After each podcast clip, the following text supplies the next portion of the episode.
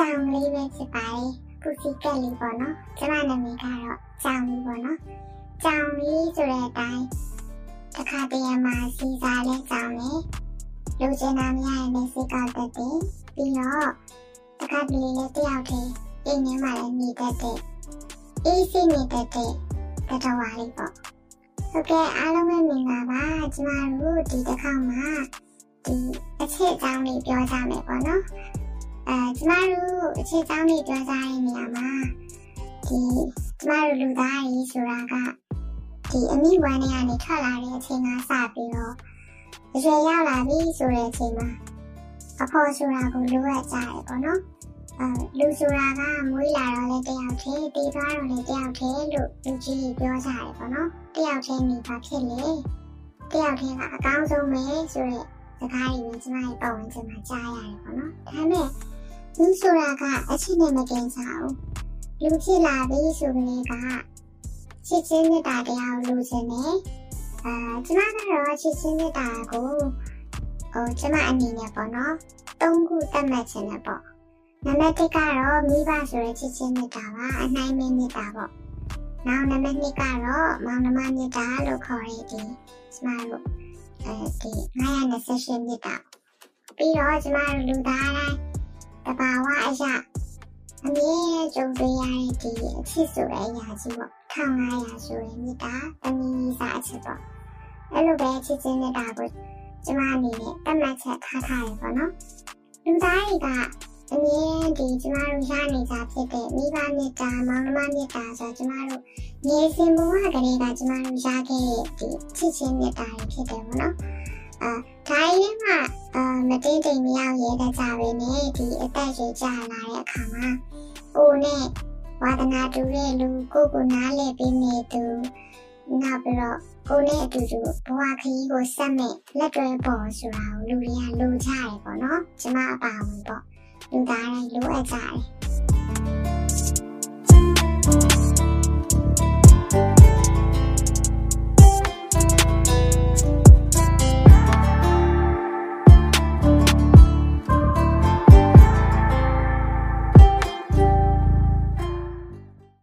နည်းမဟုတ်တနည်းရဲ့လေဒီချစ်ချင်းမေတ္တာတရားကိုရဖို့အတွက်လှုပ်ကြတယ်ပေါ့နော်ကြံဆောင်ကြတယ်အဲ့ဒါကတော့1500မေတ္တာပဲဖြစ်တယ်ပေါ့နော်ကျမတို့ဒီမတန်ဆွမ်းတရားအနေနဲ့အိမ်နာပြုတော့မယ်ဆိုရင်ကျမရဲ့အနည်းဆုံးပတ်ဝန်းကျင်မှာပေါ့ကျမခံစားရတာလေးတခုကိုပြောချင်တယ်အဲကျမကကြတော့ဒီနည်းနည်းရှိယူဆန်တဲ့မိသားစုတွေမှာနေလာရတဲ့အတွက်ကြောင့် အဲ main ကလေးကိုလည်းပေးတာအောင်နေရတယ် main ကလေးကပေးတာအောင်နေရတယ်ပေါ့နော်အိမ်ကစပစ်ရှိထားရမယ်ထမိန်မဝေးရမယ်အလုံးကြီးပေါ့နော်လုံးကြီးလေးပဲဝေးရမယ် အာအစိုးစုံဒီယောက်ျားလေးနဲ့စကားမပြောရအောင်ယောက်ျားလေးနဲ့အလေးမသွားရအောင်ခီးသွားတော့မယ်ဆိုရင်ဒီခီးသွားတဲ့နေရာမှာယောက်ျားလေးပါပြီဆိုရင်ဒါပေးမလွတ်ဘူးနော်အဲ့လောက်ကြီးဒီကျမအထင်သိမ်းခံရတဲ့အမျိုးသမီးတယောက်ဖြစ်နေမှာနော်အဲ့လို main ကလေးတယောက်ဖြစ်ခဲ့တဲ့အတွက်ကြောင့်ကျမမှာကဒီတငယ်ချင်းလည်းနေတယ်အဲ့လိုနေရဆိုရင်စဉ်းစားကြည့်လိုက်ပါနော်ကျမရေးစားထားဖို့ဆိုတာဘယ်တော့မှမဖြစ်ခဲ့ဘူးပေါ့ အဲအဲ့တော့ယောက်ျားလေးဆိုတာကိုယ်တော်နည်းနည်းထူးဆန်းနေပေါ့နော်ဟိုယောက်ျားလေးကြီးကိုအနိကနေခွင့်မရှိဘူးယောက်ျားလေးတငယ်ချင်းလည်းမရှိဘူးဆိုတော့ဒါအချစ်ဆိုတဲ့အရာကကျမကတိတ်ပြီးတော့ဟိုဟိုဖက်လေတကယ်မရှိတဲ့အရာကြီးပေါ့နော်ရင်းနှီးချောင်းမှမရှိတဲ့အရာအဲနောက်တစ်ခုကကြတော့ဒီကျမကမတန်ဆွမ်းပြမွေးဖွားလာတဲ့အတွက်ကြောင့်မလို့အဲရီးစားထိုင်ရင်လည်းပဲဒီရီးစားကမြင်းမှာမဟုတ်ဘူးပေါ့ အဲဆိုရီးစားထားမှုတော့ဟန်တားတယ်ဆိုတော့အိမ်တော်ပြုဖို့အတွက်ဆိုရင်လည်းဒါယောက်ျားဆိုတဲ့အမျိုးကချုံမလှပတဲ့မင်းကလေးကိုတော့ထားခဲ့တာဒီလိုမျိုးချွေရင်ချက်ရှိနေတဲ့လူမျိုးဆိုရင်ထားခဲ့မှာအဲ့တော့အိမ်တော်မပြုတ်နဲ့ဆိုပြီးတော့ဒီလူကြီးရဲ့ပေါ့နော်ဟိုတော့ကဒီလူပြိုကြီးအဖြူကြီးဆက်တွင်းခံရတဲ့အချိန်မှာပါတယ်ပေါ့နော်အဲဒါမှမလို့ကျွန်မကခုလေးကတော့ဒီ စင်ကအဖြစ်တက်တဲ့အရှိနဲ့နေနေရတဲ့သူတွေဟာပါတယ်ပေါ့နော်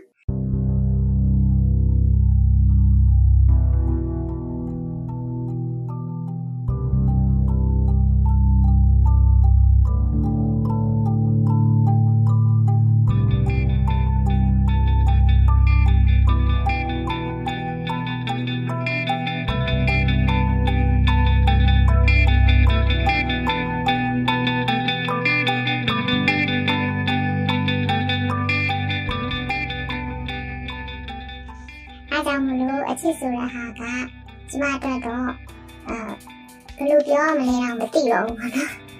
ဘူးပေါ့နော်ကျမကအခုတည်းကချစ်သူမရှိသေးဘူးပေါ့နော်ချစ်သူမရှိသေးဘူးဆိုတော့ခုနပြောတဲ့အကြောင်းအရာတွေလည်းပါတယ်ဒါပေမဲ့အဲ့ဒီထဲမှာမှအဲလူသားဆိုတာတယောက်တည်းမနေဘူးရှင်ဦးလေနော်သူ့ရဲ့ဒီအရင်ရောက်လာပြီဆိုလေသူ့ရဲ့တဘာဝအရာရှာကြတာအဲ့တော့ဘာလုပ်လဲဆိုတော့ကြီးသားခိုးရှာတယ်ပေါ့နော်တခါလေးကျရင်ကိုနှစ်သက်တဲ့ကောင်လေးရှိရင်ကိုနှစ်သက်တဲ့အဲ ပုံစံမျိုးတွေ့ပြီဆိုရင်အိမ်ကအိမ်မှာပေါ့နော်အဖေနဲ့အမေနဲ့မသိအောင်အဲဖုန်းကိုဆက်တာမျိုးလို့ပြီးလို့ရှိရင်အဲ့ဖုန်းထဲကနေပြီးတော့အိမ်မှာဆိုရင်ကျွန်မကဒီအရင်တော့ကဒီ social media တွေပေါ့နော် Viber တို့ Facebook တို့ဆိုကျွန်မမသုံးဘူးမသုံးဘူးတဲ့ထဲမှာပါတယ်သူများတွေသုံးပြီးတော့အကုန်လုံးနားရီဝါပြီးတော့အကုန်လေပတ်ပြီးဒီ Facebook ကပါ Viber ပါဆိုတော့တည်နေတဲ့အချိန်မှာအဲကျွန်မအဲ့ချိန်ကျမှတည်တာ Facebook ကပါလေဆိုတော့အဲကျွန်မရဲ့ဒီရေးစားဒီအများကြီးမထားခဲ့ဘူးဆိုပေမဲ့ပထမဆုံးဒါတွေ့ခဲ့တဲ့ကောင်လေးတယောက်ရဲ့အကြောင်းပြောပြမယ်ပေါ့နော်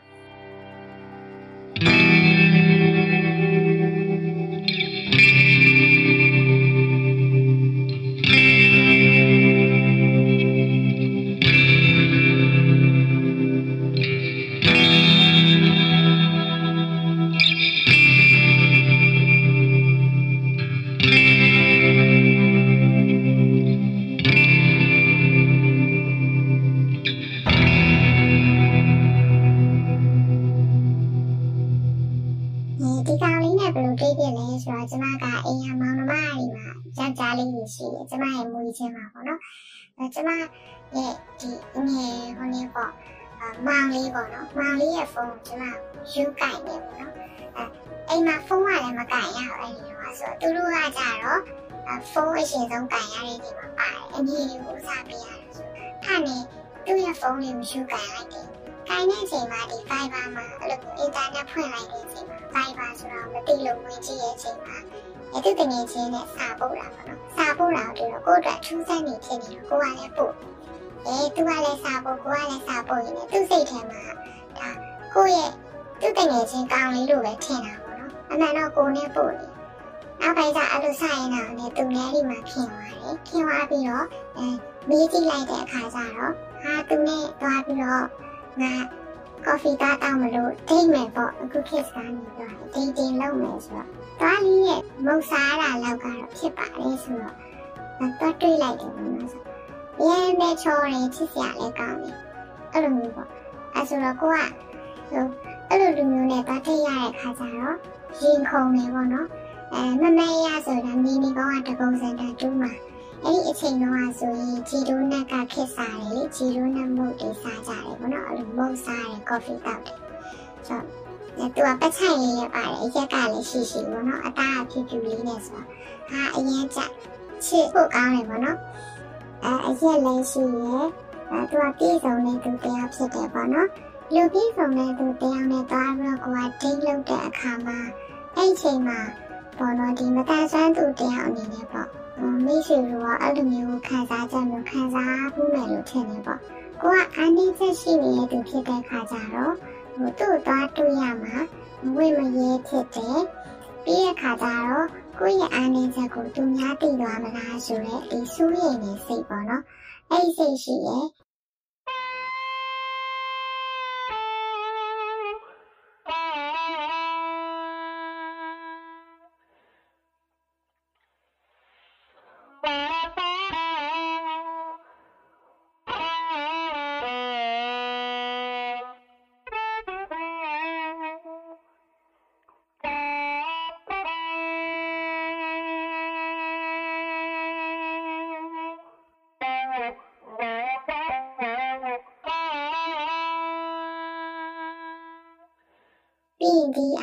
က်ကြောင့်ကိုယ်ကိုလက်ခံပါမလားအာပြီးတော့အငင်းခံရမလားပေါ့အဲအဲ့ဒီမိဘမောင်များစွာနဲ့ဒါအာဒါနောက်တစ်ခုက main ကလေးလေးဖြစ်တယ်ပေါ့နော်ဆိုတော့ကျမတို့ရဲ့ဒီညီမရေကာချာပေါ့ညီမရဲ့ဒီယူရမှာဆိုလို့ရှိရင်အယူအဆပေါ့နော်အယူအဆတွေမှာဆိုရင်အဲ main ကလေးကစပြီးတော့အာဒီချစ်ချင်းမြတ်တာနဲ့ပတ်သက်ပြီးမိန်းကလေးကစရတာဆိုတာဘယ်တော့မှမရှိဘူးပေါ့နော် အဲ့ဒါဆိုရင်ဒါကအင်ဒီမဲ့ရဲ့တိတ်ခါမဲ့ရဲ့ဆိုရင်ယူဆချက်တွေရှိရပေါ့နော်အဲဆိုအဲ့ဒီအခုနောက်ပိုင်းမှာမှခိကာလာနည်းနည်းပြောင်းလဲလာတဲ့အခါကျတော့အဲဒီအဲယောက်ျားလေးနဲ့မိန်းကလေးနဲ့ချစ်ကြိုက်တဲ့အခါမှာမိန်းကလေးကစရင်ပဲဖြစ်ဖြစ်ယောက်ျားလေးကပဲစတာပဲဖြစ်ဖြစ်ဒါရတယ်ဆိုတာမျိုးပြောင်းလဲလာကြတာပေါ့ဒါပေမဲ့အခုတည်းကတော့တချို့တော့ဒီဒီခုနတော့က အယူရှိယူဆတဲ့နေရာရှိနေရပေါ့နော်ဆိုတော့အဲ့အမျိုးလေးလည်းခံစားရတယ်ပေါ့နော်။မကိုကလေအဲ့ဒီချိန်မှာကိုကတော့ခံစားဘူးလေ။ကိုကဒီအားနည်းချက်ရှိနေတဲ့သူဖြစ်တဲ့အတွက်ကြောင့်လေကိုကအဲ့ဒီသူနဲ့သွားမတိတ်ခင်ပါလေ။ကိုရဲ့အားနည်းချက်ကိုသိမှဆိုလို့သိသွားရင်လေကိုညင်းမှဆိုလို့ပေါ့နော်။အချစ်သူမလုပ်မှဆိုလို့ပေါ့ပုံမှန်လေးလေးပြောရင်သူငါ့ကိုမချစ်တော့ဘယ်လိုလုပ်မလဲ။သူငါ့ကို မြင်လိုက်ရင်ငါတော့ခံစားရမှာဆိုတဲ့စိတ်နဲ့အဲသူနဲ့အပြင်မှာမတွေ့ခင်ဒီဖုန်းနဲ့စကားပြောတဲ့အချိန်မှာလေကိုကဒီကိုမှခန္ဓာကိုယ်ချိုးရင်းနေဆိုတော့သူ့ကိုမပြောအဲငါမှထူးခြားချက်တစ်ခုတော့ရှိရဲဆိုတာကိုပြောခဲ့တယ်ပေါ့အဲသွားတွေ့တဲ့အချိန်မှာသူကကိုအဲ့လိုမျိုးကိုရဲ့အားနည်းချက်ကဘာဆိုတာကိုတွေ့တော့မှပဲမြင်သွားတယ်ပေါ့နော်ဆိုတော့အဲ့တော့ဘယ်လိုဖြစ်သွားလဲကိုထင်သွားတဲ့အတိုင်းပဲဖြစ်သွားတယ်ပေါ့နော် ဇက်လန်ဇက်သိမ်းမကောင်းဘူးပေါ့နော်အာခဏလေးသူနဲ့ထိခဲ့ပြီးတော့နောက်ပိုင်းကျသူကကိုကိုသူ့မှာရှိစားရှိလို့ပါတဲ့ချစ်သူရှိပါတယ်တဲ့ဒါကြောင့်မလို့ကိုမမဖြစ်နိုင်ပါဘူးလို့မြင်ခံလိုက်ရတယ်ပေါ့ဆိုအဲ့ဒါဒီ relationship နဲ့ပတ်သက်ပြီးလို့ဆိုရင်တော့အာကျမကတကယ်ပဲဆက်စားခြင်းပွဲဦးမှာကံမကောင်းနေနေကလေးပေါ့နော်ဆိုတော့ဟုတ်ပါပြီအင်း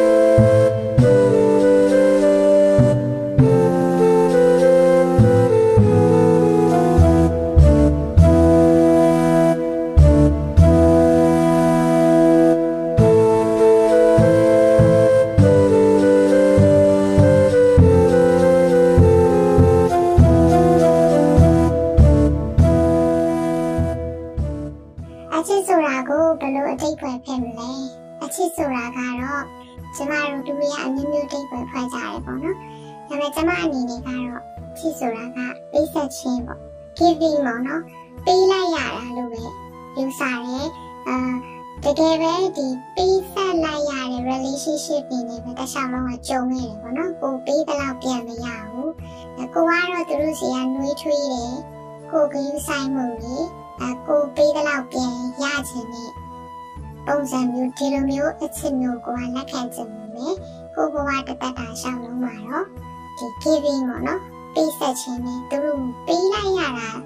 တခုတည်းနဲ့ပဲပြီးဆုံးသွားတယ်ပေါ့ဒါပေမဲ့ပေးလိုက်ရလို့ကိုနောင်နာရလားဆိုတော့နောင်နာမရပါဘူးဘာဖြစ်လဲဆိုတော့ကိုကသူတို့နဲ့တွေ့ခဲ့တဲ့အချိန်ခဏတွင်မှာကိုရဲ့ဒီချစ်ခြင်းနဲ့တာကိုလည်းပြေဝပေးရဲ့အာ ကိုဘက်ကအမှားမရှိဘူးလို့ယူဆတာပဲပေါ့နော်အဲအချစ်သူရဲ့ကောင်းလို့ပြောရမှာတော့မသိဘူးပေါ့နော်အဲအရင်ချစ်တဲ့အချိန်မှာပါပါတယ်လို့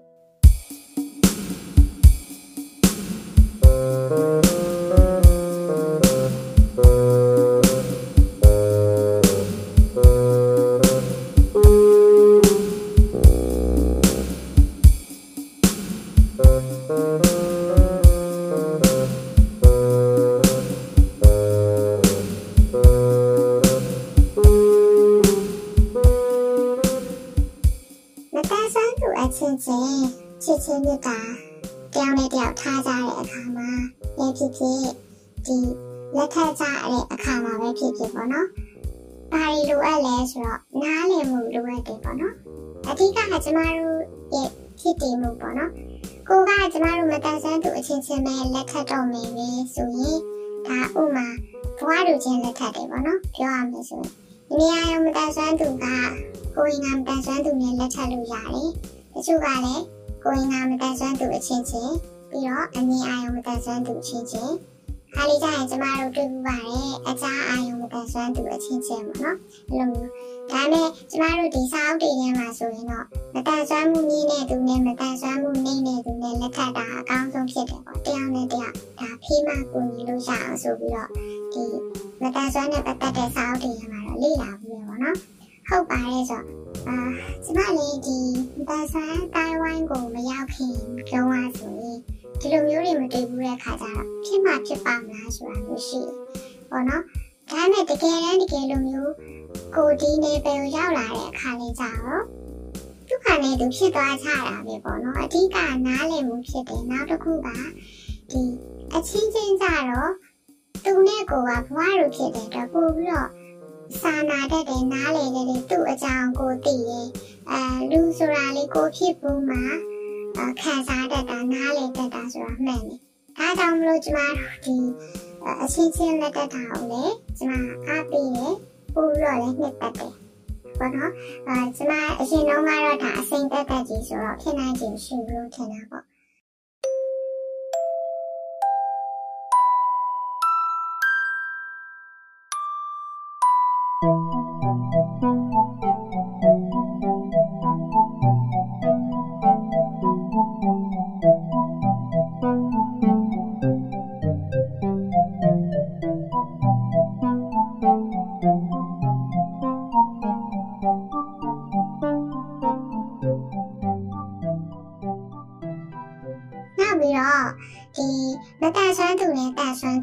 ထပ်တဲ့နေရာမှာကျတော့အများကြီးလိုတယ်။တန်ဆွမ်းသူကလည်း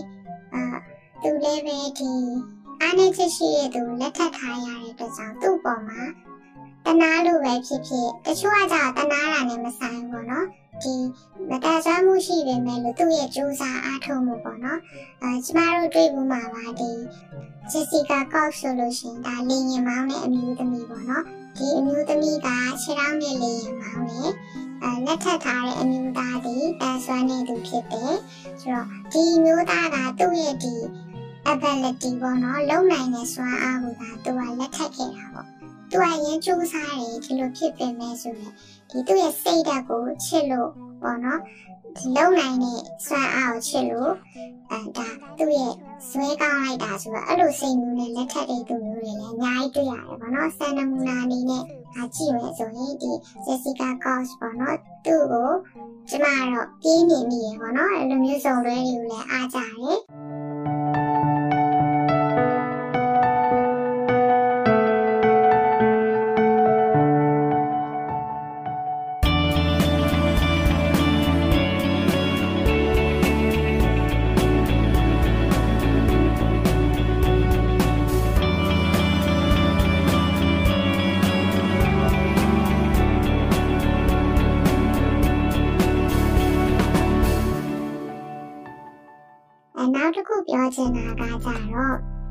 ဒီကျမတို့မတန်ဆွမ်းသူတွေလက်ထပ်တဲ့အခါမှာပေါ့နော်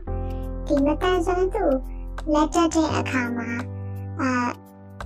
မတန်ဆွမ်းသူကိုယ်တိုင်ကစဉ်းစားတယ်ပေါ့ကျမအနေနဲ့ဆိုရင်လည်းစဉ်းစားမိတယ်အဲ့ဒါကဘာလဲဆိုတော့ကိုလက်ထပ်မဲ့ကိုရဲ့အိမ်အောင်ပဲဒီကိုရဲ့ partner ပေါ့နော်အာသူ့ကိုကိုကဝင်တော့ဝင်ဖို့မပြီးချင်တာအာဒီလိုမျိုးခံစားချက်ကိုမျိုးပေါ့ရှိမယ်ရှိဖို့မယ်လို့ထင်တယ်ပေါ့နော် အခုတော့မှကိုကဒါအများကြီးမတန်ဆွမ်းမှုမြင်မာတဲ့သူမဟုတ်ဘူးပေါ့နော်ဆိုတော့ဒီခန္ဓာကိုယ်ချုပ်ရင်းနေရဲ့ဒီမျိုးချုပ်ရင်းနေရဲ့အတွက်ကြောင့်အဲဥမာသူ့ငါကဝေယဝဲစားရီမလုပ်ပေးနိုင်ရင်ဘယ်လိုလုပ်မလဲဆိုရယ်ဆိုရင်လည်းစိတ်နောက်တစ်ခုကငါတက်နေကြမှသူစိတ်နှောက်ယှက်ဖြစ်မလားသူနဲ့ကိုနဲ့တွဲသွားတဲ့အခါမျိုးမှာလမ်းလျှောက်တာနှီးလို့ပဲဖြစ်ဖြစ် အိတ်ကားတက်တေးဆိုလဲတက်လို့မရလို့ပဲဖြစ်ဖြစ်အဲအဲ့လိုမျိုးပေါ့အမျိုးမျိုးသောအကြောင်းအရာတွေကြောင့်ကိုယ့်ရဲ့ဒီအိမ်အောင်ဘက်ကိုအနှောက်အယှက်ပေးမိနေမလားငါ့ရဲ့ဝင်တော့ဝင်ဖို့ယူပေးမိမလားဆိုပြီးတော့လေဒါတစ်ခါတလေဆိုင်ပေါ့နော်နောက်ဆုတ်ပေးလိုက်ရတဲ့အနေအထားတွေရှိတယ်အဲ့ဒီလိုအတွေ့အမျိုးတော့ကျွန်မခံစားဖို့ရပေါ့နော်တွေးဖို့ရအိမ်အောင်ကျတော့လည်းလက်ထပ်တော့မယ်ဆိုတော့ပြီးတော့ 15 16အရွယ်တုန်းကတော့တိတ်မစင်းစားဘူးဆိုပေမဲ့အခုလိုမျိုးတက်လက်ပိုင်းရောက်လာတဲ့အခါမှာအဲ့ဒါကြီးကအများကြီးစဉ်းစားလာပြီပေါ့နော်ကိုကကိုလက်ထပ်လိုက်တဲ့သူပေါ်မှာဝင်တော့ဝင်ဖို့ဖြစ်မှာစိုးရယ်ဒါပေမဲ့တခုတော့ရှိရပါတော့အတကယ်စစ်မှန်တဲ့စီစဉ်တရားနဲ့တွေ့လာပြီဆိုရင်တော့ကိုယ့်ရဲ့ဒီအိမ်အောင်ဘက်ကကိုယ့်ရဲ့ဖူးစာရှင်ကပေါ့ဒါရိုးလည်းသူစဉ်းစားနေမှာမဟုတ်တော့ဘူးပေါ့နော်ဒါဆိုရင်တော့အကိုကကဘာပေါ်မှာကံကောင်းဆုံး လူသားပေါ့ကံကောင်းဆုံးလူသားဖြစ်မယ်လို့တော့ထထင်တယ်ပေါ့နော်အဲ့ခံစားချက်ကလေးဒီနေရာမှာထည့်ပြီးတော့အနည်းငယ်လေးထပ်ပြီးတော့ပြောချင်ပါတယ်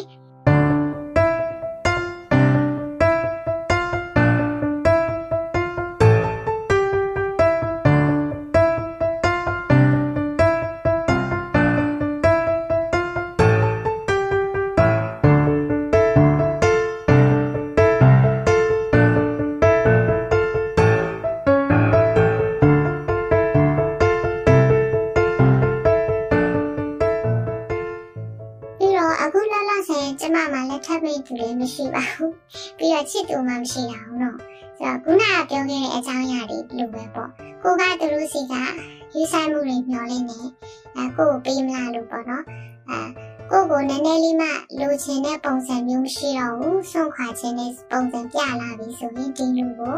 အာသွားတော့ပေါ့နော်သွားခွင့်ပေးလိုက်တယ်ပေါ့နော်အဲ့လိုမျိုးစားထဲမှာပါတယ်အဲစိတ်ထဲမှာလေးသူ့ဆွဲမထားတော့ဘူးပေါ့နော်အဲကျမကိုနေပါလားကျမကိုတနာပါကျမကိုပြန်ချစ်ပါဆိုတာမျိုးမရှိဘူးကို့ပေါ်မှာတိတ်မလို့လားဆိုရင်ဒီလိုသွားပါစီဆိုပြီးလွတ်ထားတဲ့အတွက်ကြောင့်ခုတက်ရှိရတော့ချစ်သူလည်းမရှိဘူးအဲနောက်ပြီးတော့လက်ထပ်ကိုအနေထားဆိုတာအဝေးမှာပဲရှိရပါတော့ တကယ်လို့ချစ်သူတွေဖြစ်ပြီးတယောက်နဲ့တယောက်ဆက်ဆံရေးတည်မြဲဖို့ဆိုရင်တော့ခုနပြောခဲ့တဲ့နားလည်မှုပါပဲနားလည်မှုရှိရမယ်နောက်တစ်ခုကတယောက်ရဲ့လိုအပ်ချက်ကိုတယောက်ကဖြည့်သွင်းပေးရမယ်ပေါ့နော်မတန်ဆွမ်းသူမှမဟုတ်ပါဘူးတန်ဆွမ်းတဲ့သူချင်းချင်းလက်ထပ်ထားရတော့မှမပြည့်စုံတာတွေအများကြီးပဲပေါ့နော်အဲတချို့မျိုးသားတွေနဲ့တချို့မျိုးသမီးလက်ထပ်တဲ့အခါမှာတချို့မျိုးသမီးတွေကအဲ လက်ထပ်ထားပေမဲ့လည်းအိမ်မှုကိစ္စတစ်ခုမှမလုပ်တတ်တာတွေရှိတယ်နော်ပြီးတော့အမျိုးသားတွေဆိုလဲဒါဟိုမှာဟိုအလေအပတ်အရန်ထွက်တယ်အရက်တောက်တယ်ပြာတောက်တယ်စသဖြင့်ပေါ့ဒီစားထဲမှာနောက်ထပ်အိမ်အောင်ကြီးမှာအကြောင်းနဲ့ကြောင့်ဟိုဖြည့်ရှင်းရမှာပေါ့နော်ပြဿနာတွေပေါ့အဲ့လိုပြဿနာတွေကိုနားလည်ဖို့လိုအပ်တယ်တယောက်ကမှားသွားရင်လည်းတယောက်ကဒီအမှားအတွက်ကို ဟိုဖြည့်တွေးပြီးတော့နားလည်မှုပေးနိုင်မှဒီအိမ်အောင်ရေးဆိုတဲ့ဒီပေါ့နော် relationship ကြီးကအာရေးရှိတည်ရမှာပေါ့နော်အဲ့လိုမျိုးကိုယ့်အကိုခံစားမိရဲ့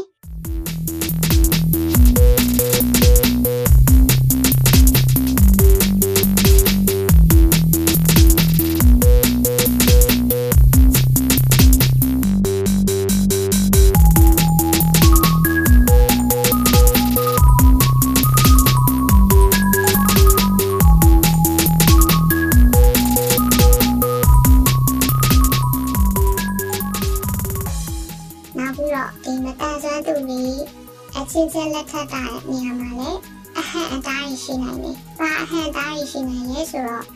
ဒီခုနကကျွန်မပြောခဲ့တယ်လို့ပေါ့နော်။အနည်းအားရောမတဆန်းသူအချင်းချင်းလက်ထပ်တာမှန်တယ်။ဒါပေမဲ့နှစ်ယောက်လုံးကအာမမြင်ရတဲ့အတွက်ကြောင့်မို့လို့တူတူကိုဈေးသွားလို့မရဘူး။အပြင်သွားတဲ့အခါမှာတယောက်ကတခုခုဖြစ်ရင်လည်းတယောက်ကကိုညီနိုင်ဖို့အတွက်အခက်အခဲရှိတယ်။ကျွန်မကတော့အဲ့လိုမြင်တယ်ပေါ့နော်။ဆိုတော့အားကြောင့်မလို့ဒီ ခုနပြောခဲ့တဲ့လိုပဲဒီဟိုမတန်ဆွမ်းမှုနဲ့ပတ်သက်တဲ့စာအုပ်တွေရမှာဆိုရင်မတန်ဆွမ်းမှုမြင့်နေသူနဲ့မတန်ဆွမ်းမှုနှိမ့်နေသူနဲ့အဲ့လိုမျိုး balance ဖြစ်အောင်ပေါ့လက်ထပ်တဲ့လဲဆိုတာမျိုးပေါ့ဥမာခုနအနည်းအားရောမတန်ဆွမ်းသူနဲ့ကိုဝင်ငါနဲ့ဆိုရင်ဒါသူ့ကိုအနည်းအားရောဓမ္မကိုတရားကိုဝင်ငါကမျက်စိမြင်နေရတဲ့အတွက်ကြောင့်ဒါလုတ်ပေးနိုင်တယ်ပေါ့နော်သူ့ရဲ့လိုအပ်ချက်တွေကိုဆိုတော့ အဟံတားရအဲ့ဟာကြီးဖြစ်တယ်ပေါ့နော်နောက်တစ်ခုအဟံတားရတော့ကျမတို့ပတ်ဝန်းကျင်ပေါ့နော်ပတ်ဝန်းကျင်ကအရင်ပြောတယ်အဲကျမဆိုရင်ဘလားဟိုမတန်ဆွမ်းမှုဘလားမှမမြင်ဘူးဒါပေမဲ့မိသားစုကအမျိုးသမီးဖြစ်တယ်အိမ်အောင်ကြတဲ့အခါမှာအခုနကပြောသလိုပေါ့ဘဝတူချင်းယူလို့ရှိရင်နေကိုနားလည်မှုပေးနိုင်ပါပဲအဲ့တော့ဘဝတူချင်းနဲ့ယူအဘဝတူချင်းမဟုတ်ရင်ထားခဲ့မှာ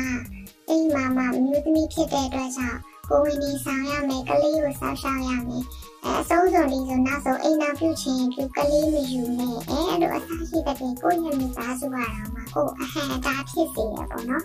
အမှန်တော့မဟုတ်ကျမတို့တန်ဆွမ်းသူတွေဆိုတာကဒီခန္ဓာကိုယ်ချူရင်းကမူဖွာလာတဲ့အတွက်ကြောင့်ကိုယ့်ရဲ့ next generation ဒီ generation ကိုတန်ဆွမ်းနေသူအရင်ဖြစ်ချင်ကိုသားသမီးလေးကတနက်စစချင်းချင်းမမလေးမွေးလာပါလားဆိုပြီးဒီဟိုပေါ့နော် ခံစားချက်ပေါ့ငါရဲ့ next generation ဒီ generation ကလူမျိုးလေးဆိုတာလိုချင်ကြတယ်အနေနဲ့များပေါ့ကျမကတော့အဲ့လိုခံစားမိရပေါ့နော်ဒီအဟံသားတွေကရှိကြတယ်ပေါ်တော့မတန်ဆွမ်းသူတွေနော်အချင်းချင်းလက်ထပ်ထားဆိုတော့လေခုနလိုကိုပဲဒီအာယုံချင်းချင်းလက်ထပ်ထားရဲဆိုရင်ဟဲ့ဘာဖြစ်လို့သူတို့ကလက်ထပ်ထားတာလဲဟဲ့ကြည့်ပါဦးဘယ်လိုလှုပ်ရှားကြမှာလဲအဆရှိတဲ့ပြင်ပေါ့နော် ဒီပတ်ဝန်းကျင်လည်းပါတယ်ပေါ့နော်အတားအဆီးတွေလည်းမှာပတ်ဝန်းကျင်တွေလည်းပါတယ်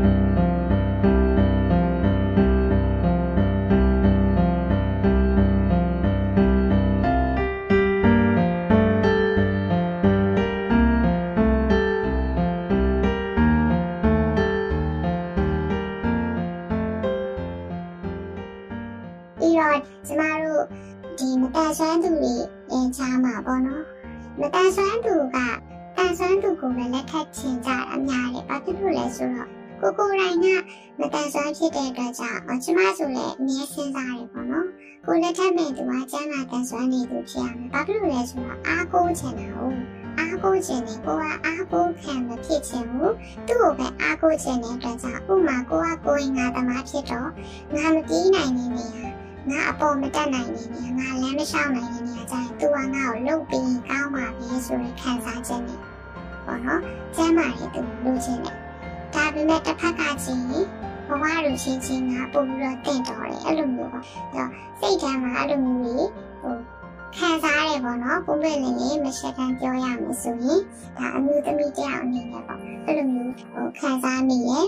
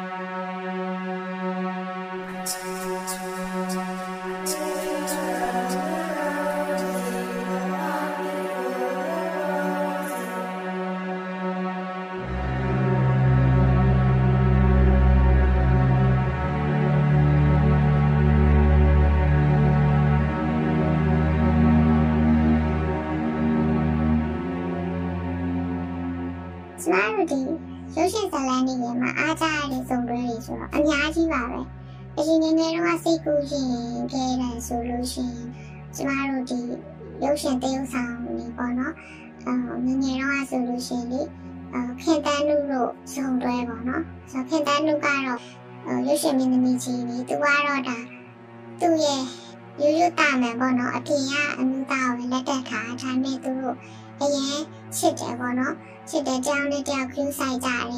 အဲအဲ့လိုမျိုးကြားဘူးလေပေါ့နော်ပြီးတော့ဒီမမမီအောင်ပေါ့မမမီအောင်ဆိုလို့ရှိရင်ဒါအမှုသားနဲ့လက်ထက်တဲ့သူ့အမှုသားနောက်ပိုင်းကျတော့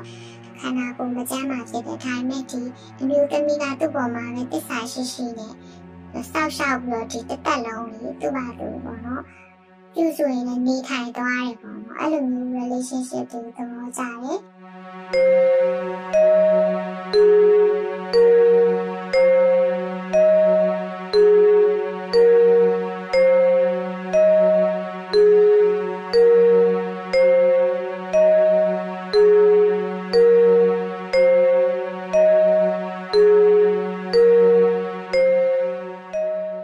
ာက်တစ်ခုကကြတော့ဒီတာသမီးလေးရလာတဲ့အခါအိမ်နောက်ပြုပြီးဆိုရင်ကမရှိမဖြစ်ကဒီ တာသမီးရဲ့နာလူချင်ကြတယ်ခုနကျွန်မပြောခဲ့သလိုပဲပေါ့ဟိုဒီကျမတို့ရဲ့ next generation ကတန်ဆွမ်းနေသူတွေအဖြစ်မွေးဖွားလာမှာပေါ့နော်ဆိုတော့မျှော်လင့်ချက်နဲ့ကျမတို့မတန်ဆွမ်းသူတွေလက်ထပ်ကြတယ်အရှင်းချင်းတော့၎င်းတန်ဆွမ်းသူတွေပဲဖြစ်ဖြစ်ပေါ့နော်လူလက်ထပ်ပေါင်းတင်ကြတဲ့အခါတကယ်လို့အမြင့်အာရုံတန်ဆွမ်းသူနဲ့အချင်းချင်းလက်ထပ်ရင်ကလေးမွေးလာရင်ဘယ်လိုထိန်းကြမှာလဲပေါ့အစားရှိတဲ့ပြင်တော့အ တားအဆီးတွေပေါ့နော်နှစ်ယောက်စလုံးမမြင်အောင်ဆိုဒီကလေးကိုဘယ်လိုလိုက်ဆွဲမလဲကလေးနှုတ်တိုင်းဘယ်လိုတိုက်မလဲကလေးကိုကြောင်းဘယ်သူပို့မှာလဲအစားရှိတဲ့ပြင်ဒီလူမျိုးအကြောင်းတွေနဲ့ကျမတို့ကဖြစ်မှဖြစ်ပါမလားဆိုတာမျိုးရှိကြမယ်ပေါ့နော်ဒါကျမဝင်ပြီးတော့ခံစားကြည့်ရပါတော့မြင်အာရုံပန်ဆန်းသူရဲ့ရင်ထဲထိဝင်ပြီးခံစားကြည့်ရပါအဲ့လိုမျိုးရှိတယ်ပြီးတော့ကျမဒါပုဂ္ဂိုလ်ရေးရရတော့ အာဒီညီမလေးတယောက်ရဲ့အကြောင်းကိုပြောပြချင်တယ်ပေါ့အဲသူတို့စုံတွဲလေးဆိုရင်အရင်ချစ်တယ်ပေါ့နော်အဲဒီညီမလေးကကြတော့အာသူကကိုယ်ငမ်းတန်းဆန်းသူပဲလက်နှစ်ဖက်လည်းမရှိဘူးခြေထောက်နဲ့ပဲကွန်ပျူတာရရတယ်ပေါ့နော်အဲဒီလိုမျိုးအလုပ်လုပ်ရတယ်ကျမအလုပ်လုပ်တဲ့ဒီအလုပ်မှာပဲသူကကျမဒီအလုပ်ကိုမရောက်ခင်အရင်နှစ်တည်းတော့အလုပ်ဝင်ခဲ့တာပေါ့အဲ့တော့သူက ကျမတို့ရဲ့ဒီအလုပ်ရှင်လာပြီးတော့ကတော့တယ်ပေါ့နော်သူတို့မြမယူရရလာပြီးကတော့တဲ့အချိန်မှာသူ့ကိုတွေ့လိုက်ရတယ်သူ့ရဲ့အမျိုးသားဒီတန်ဆွမ်းသူဖြစ်တယ်ဆိုတော့ဒီတန်ဆွမ်းသူကိုအိမ်နာပြုလက်ထပ်ထားတဲ့အမျိုးသမီးကတကယ်ကိုကံကောင်းခြင်းနေနဲ့ပြည့်စုံတယ်ပေါ့နော်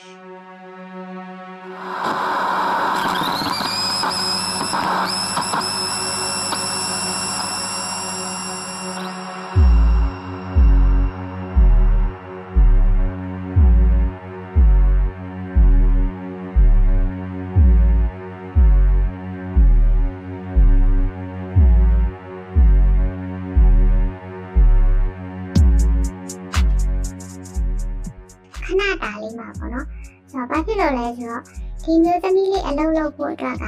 ကိုညီပေးမဲ့သူရှိမှရမှာသူကကွန်ပျူတာရိုက်တယ်ဆိုရင်ဆိုလိုချင်တာကတော့သူ့ရဲ့လိုအပ်ချက်ပေါ့လိုအပ်ချက်ကိုဒီအမျိုးသားကလေကျမတို့ဒီ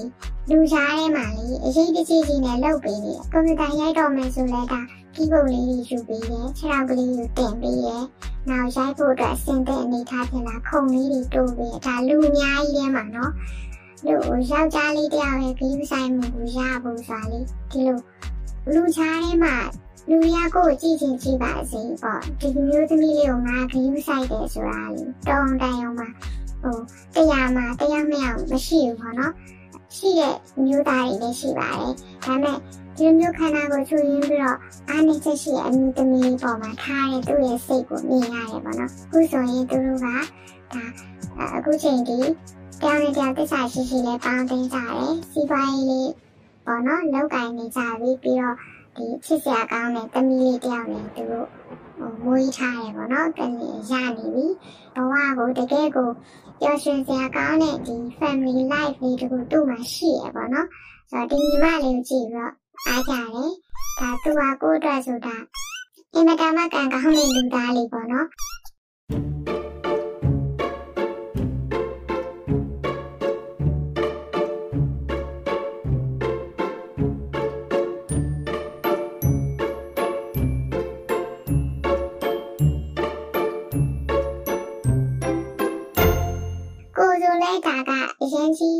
မတန်ဆွမ်းမှုညင်းတဲ့ထဲမှာမပါဘူးဒါပေမဲ့ကံတရားချင်းရှင်တဲ့အခါမှာဒီညီမလေးကပို့ပြီးတော့လေဟိုကံကောင်းတယ်လို့ခံစားရတယ်ပေါ့နော်သူ့ရဲ့အမျိုးသားရဲ့ကြီးဆိုင်မှုရတယ်နောက်ဒီပတ်ဝန်းကျင်ကပြောကြတာပေါ့နော်ဒီရုံးပတ်ဝန်းကျင်မှာရှိရဲ့ဒီအကိုကြီးပြောတဲ့စကားတွေကြားရတယ်ဆိုရင်လည်းဒါကြီးစားဘဝကလေးပါတယ်ပဲဒီမျိုးသမီးလေးကိုတဲ့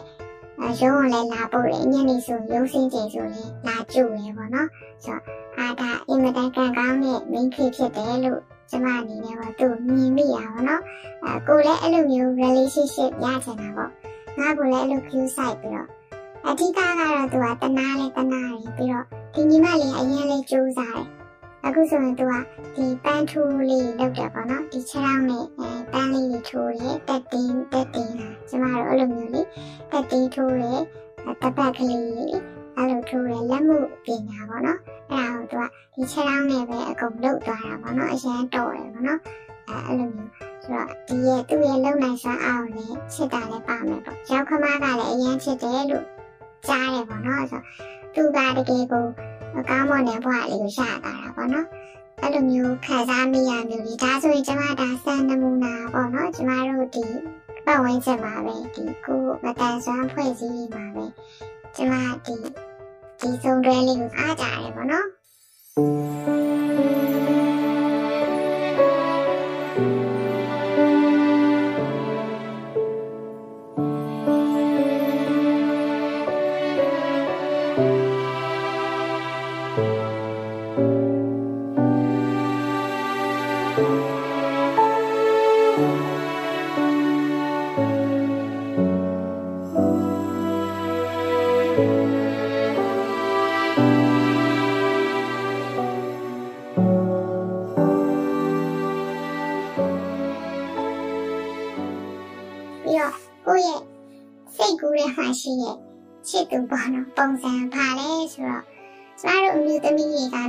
ဖြစ်တူကြတာများပါတယ်။ပါလဲဆိုတော့ကိုယ့်ကိုယူဆိုင်နေကိုယ့်ကိုကျင်နာနေ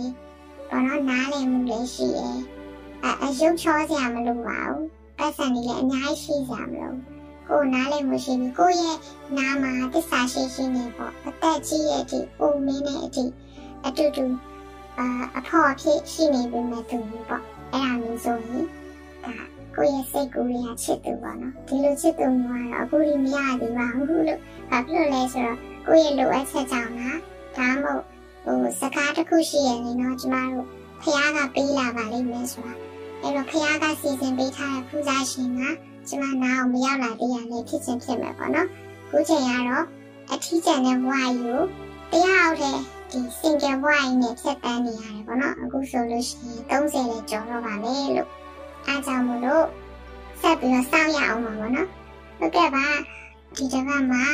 အကျမရဲ့အခြေအကြောင်းလေးကြီးပြောပြချင်တာတော့ဒီလောက်ပဲဖြစ်ပါတယ်ပြီးတော့အာကျမမချစ်သူမရှိဘူးဆိုပေမဲ့လည်းကျမတို့ဘွားတို့မမမကြီးပေါ့ဒါဆိုရင်ကိုမမကြီးရဲ့မှာလည်းအချင်းချင်းချစ်ကြိုက်ပြီးတော့အခုချိန်ထိသစ္စာရှိရှိနဲ့နေနေကြတဲ့စုံတွဲလေးကိုလည်းပေါ်တော့လက်ထပ်တဲ့အထိ ပေါင်းတင်နိုင်ကြပါစေလို့ဒီနေ့အနေဆန္ဒပြုပါတယ်အားလုံးကိုစိတ်နှပြချမ်းသာချမ်းသာပြီးတော့ဘဝခရီးကိုအခက်အခဲမရှိရင်ဆိုင်ကြောဖြတ်နိုင်ပါစေလို့ဆုတောင်းပေးလိုက်ပါတယ်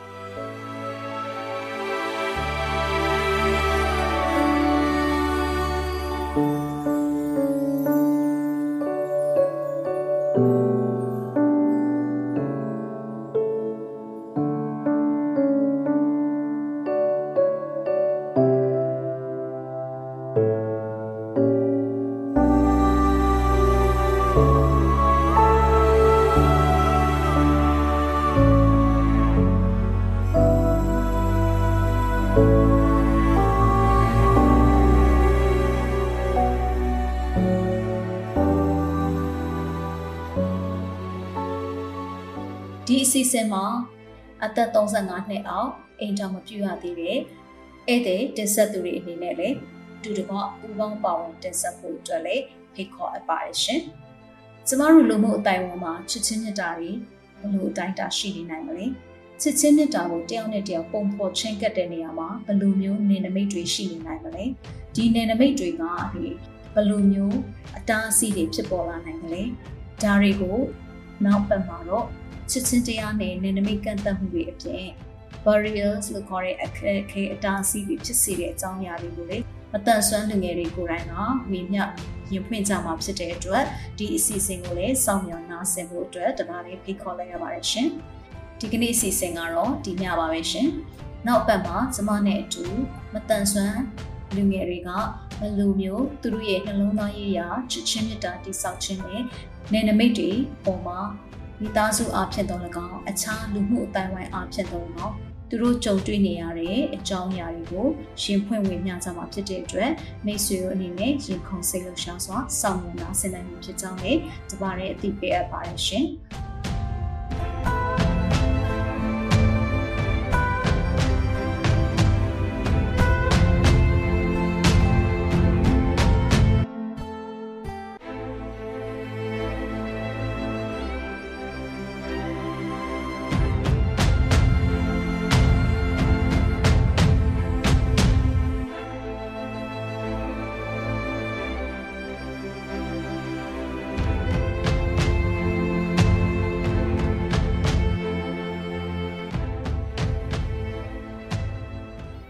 အစီအစဉ်ကိုမိတ်ဆွေတို့အနေနဲ့အစအဆုံးနားထောင်ပြီးပြီဆိုရင်တော့မိမိတို့ရဲ့သဘောထားမှတ်ချက်များကို